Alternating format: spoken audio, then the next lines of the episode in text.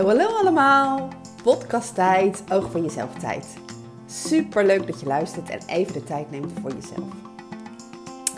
En in deze podcast, ehm, ja, ja, weet je waarom ik deze podcast nu op wil nemen? Ik was het eigenlijk helemaal niet van plan. Uh, is omdat ik um, ja, vannacht een paar uur wakker heb gelegen. En um, nou is dat misschien helemaal niet zo bijzonder. Uh, want je herkent het misschien wel. En dat is eigenlijk dus precies de reden dat ik deze podcast op wil nemen.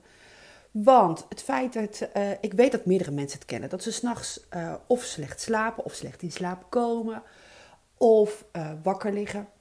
Ik ben over het algemeen best een goede slaper, moet ik zeggen. Um, en toch zo eens in de zoveel tijd, ja, dan gebeurt het. Dan lig ik, word ik wakker, moet ik naar het toilet en dan lukt het me niet meer om in slaap te vallen. Nou, als je dat herkent, blijf vooral luisteren. Want uh, ik wil je meenemen in, uh, ja, in wat maakt dat dat gebeurt. Ik wil je ook meenemen in wat je eraan kunt doen. Want ik snap dat, dat je daarop zit te wachten. Uh, weet je wat het is? Um, ik, eigenlijk had ik al kunnen weten dat het ging gebeuren, bij wijze van spreken. Want er zit op het moment gewoon veel in mijn hoofd. Ik heb veel om aan te denken.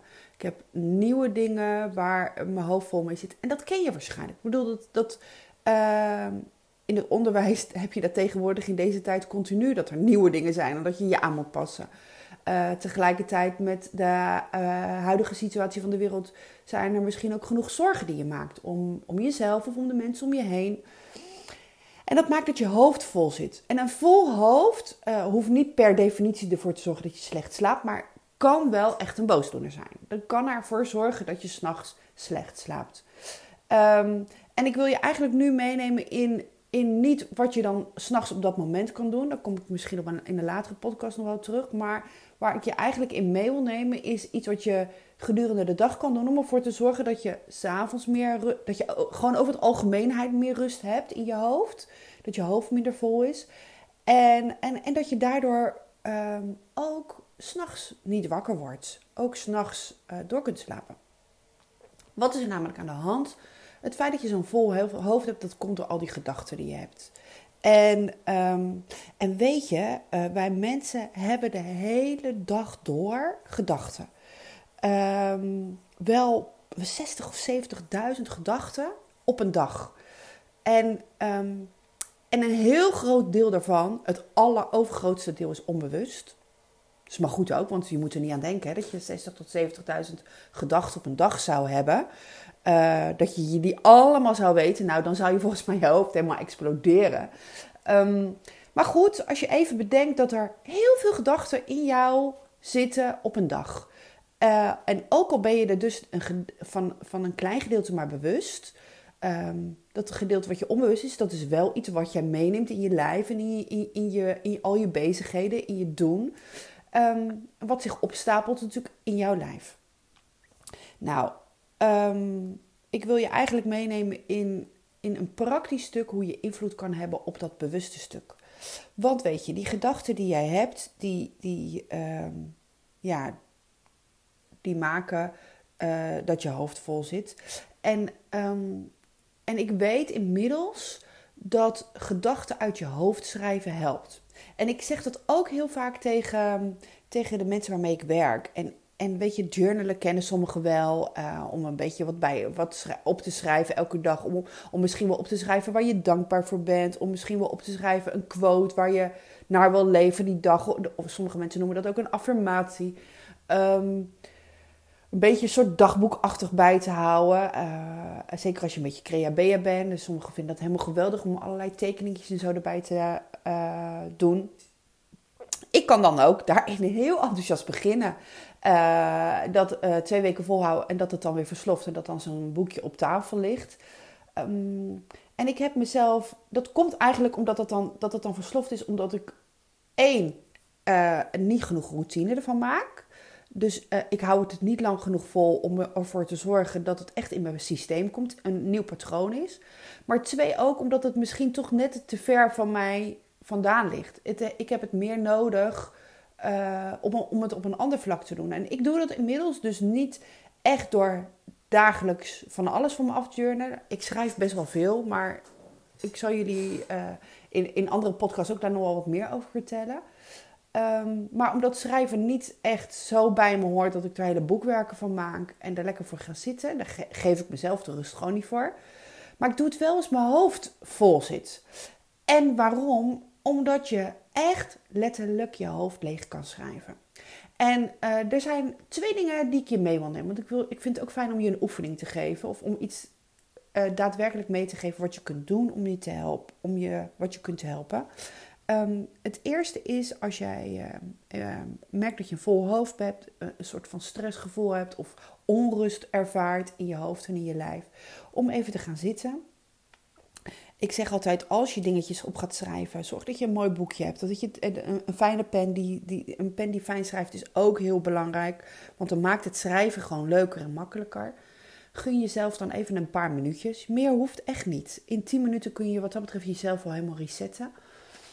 En, um, en de eerste oefening die ik je wil vertellen is de volgende. Dat is gewoon lekker gaan schrijven. Je, je, um, je gaat schrijven. Ik noem het ook wel een braindump. En zet, de wekker op, uh, zet een, wekkertje op je telefoon desnoods op drie minuten. En ga gewoon drie minuten schrijven. Schrijf net zo lang uh, tot die tijd vol is. Dus schrijf alles wat in je hoofd opkomt. Ook als je bedenkt, ja maar nou weet ik het niet meer, wat moet ik nou schrijven? Dan schrijf je gewoon die zin op. En als je dan die drie minuten voorbij is, dan ga je even met je rug tegen de leuning zitten. Dan leg je even je hand op je schoot en dan haal je 15 keer um, diep adem. Liefst in door je neus en uit door je mond. En probeer dan naar je buik toe te ademen. Dus uh, je hand op je buik leggen helpt trouwens dan ook heel goed. En je zal merken dat met elke ademhaling er meer rust komt. En dat je misschien wat langer uit kan ademen, wat, meer, wat dieper in kan ademen. En doe dat dan 15 keer. En dan ga je daarna nog een keer schrijven wat er in je hoofd zit. En je zult zien dat dat een groot verschil is. En dat het je veel oplevert. En eventueel kun je daarna die ademhalingsronde nog een keertje doen. En ga daarna gewoon weer lekker met de dingen, de, door met de dingen die je wil doen. Een andere hele waardevolle oefening die ik je mee wil geven is het volgende. Ook eerst weer een soort braindump schrijven. Niet tijdgebonden. Ga gewoon opschrijven welke gedachten je misschien in een loop in je hoofd zitten. Schrijf die gedachten gewoon eens onder elkaar op. Al die gedachten die, uh, die, die, waar je hoofd mee gevuld is. En dan ga je per gedachte ze is even langs. En dan ga je bij, de eerste, bij die gedachte ga je, uh, ga je eerst bedenken als je hem gelezen hebt, geeft die gedachte, geeft dat denken daaraan jou een fijn gevoel of een nagevoel. Dus bedenk even, geeft het je een fijn gevoel, geeft het je een nagevoel. En wat ik dan doe, als hij me een fijn gevoel geeft, zet ik er een hartje bij, want dan wil ik hem houden. Want je hoofd kan ook wel vol zitten met fijne dingen. Vaak zijn het dan de minder fijne dingen die, die het, uh, de emmer doen overlopen, om het zo maar te zeggen. Geeft het je een nagevoel, dan wil ik je dat je het volgende bedenkt. Als je deze gedachte nog langer blijft denken, gaat het jou nog verder helpen? Of wordt het alleen maar misschien rotter? Dus beperkt hij je of helpt hij je op den duur? Als het antwoord is beperken, als hij je rotter voelt, en de kans is groot dat dat is, streep hem door. En dan ga je zo al die gedachten langs. Dus je gaat eerst bij elke gedachte bedenken: geeft hij een fijn gevoel, geeft hij een naar gevoel? En hoe zal dat voor mijn toekomst zijn als ik dat blijf denken? Gaat dat me helpen of gaat het me beperken? En streep hem door als die je uh, beperkt. Zet er een hartje bij als die je helpt. Als je dan klaar bent, dan ga je uh, per gedachte, per doorgestreepte gedachte, een nieuwe gedachte opschrijven een nieuwe gedachte die je wel kunt geloven. Want weet je, je bent maar de denker van je gedachten. Je bepaalt zelf welke gedachten je denkt. En je bepaalt zelf daarmee ook dus hoe je je voelt. En door andere gedachten te gaan denken, ga jij je echt anders voelen. Het is echt een soort mindfuck wat dat betreft. Wanneer je je anders gaat voelen, dan ga je je anders gedragen. Dan worden, er komen er nieuwe situaties, dan heb je een andere realiteit. Het is zo belangrijk om je gedachten te sturen. En mensen onderschatten de kracht van je gedachten. Ik noem het ook echt de, je gedachtenkracht. Jouw gedachtekracht. En hoe jij daar invloed op uit kunt oefenen. Het is wel belangrijk als je nieuwe gedachten gaat bedenken. Uh, dat je een gedachte opschrijft die je kunt geloven. Dus stel je voor, ehm, als ik even naar mezelf denk in een loop die, die, die, waar ik er vannacht misschien een beetje in zat. En die eh, trouwens, die ik dan nu alweer niet meer zo voel Dus dat is dan ook interessant. Maar ehm, ja, dat is dan wel een beetje die podcast bijvoorbeeld, waar die ik nu gestart ben. En dit is dan nu de derde. En ik vind het dan toch spannend. Ik heb dan toch een beetje die beperking van wat zullen anderen ervan vinden. Hebben ze er wel genoeg aan? Terwijl, daar helpt mij natuurlijk niet. Dat geeft me geen fijn gevoel. Daar blijf ik mee in zo'n loopje zitten. Dus die, die heb ik dan door te strepen. En ik heb dan te bedenken uh, wat ik daarvoor in de plaats wil, wel kan, kan geloven en kan denken. En dan kan ik misschien wel denken van, ja, ik heb scheid aan wat anderen vinden. Maar het kan ook zijn dat dat dan nog een beetje te groot voelt. Dat dat niet iets is wat ik nu al kan geloven.